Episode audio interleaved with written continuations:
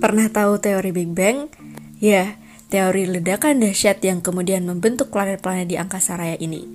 Teori ini dikemukakan oleh pemilik paham sosialis yang nggak percaya tentang adanya Tuhan. Teori Big Bang mengatakan bahwa sebelum adanya ledakan dahsyat, alam semesta ini adalah satu kesatuan. Bagaimana Al-Quran melihat teori ini? Ternyata Al-Quran juga membahas teori Big Bang loh. Ada dalam surah Al-Anbiya ayat 30. Artinya, dan apakah orang-orang yang kafir tidak mengetahui bahwasanya langit dan bumi itu keduanya dahulu adalah suatu yang padu.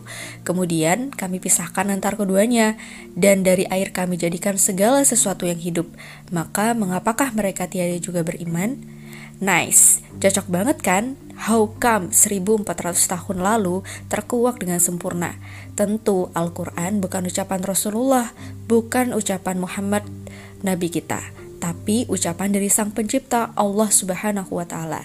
Nah, berarti Islam pun mengakui bahwa dulunya alam semesta ini satu padu dan kemudian terpisah-pisah. Lalu apa bedanya Islam dan kaum sosialis? Bedanya Islam mengakui pula bahwa ada yang menciptakan ledakan ini, yakni Allah Subhanahu wa taala. Sedangkan kaum sosialis memiliki pemahaman bahwa ledakan itu terjadi secara kebetulan karena mereka nggak percaya adanya Tuhan. Loh, gimana sih? Emang siapa yang ngeledakin? Kebetulan. Lalu gelas yang mereka pakai, baju, celana, tiba-tiba aja ada gitu. Tentu ada yang membuat kan? Ada-ada saja.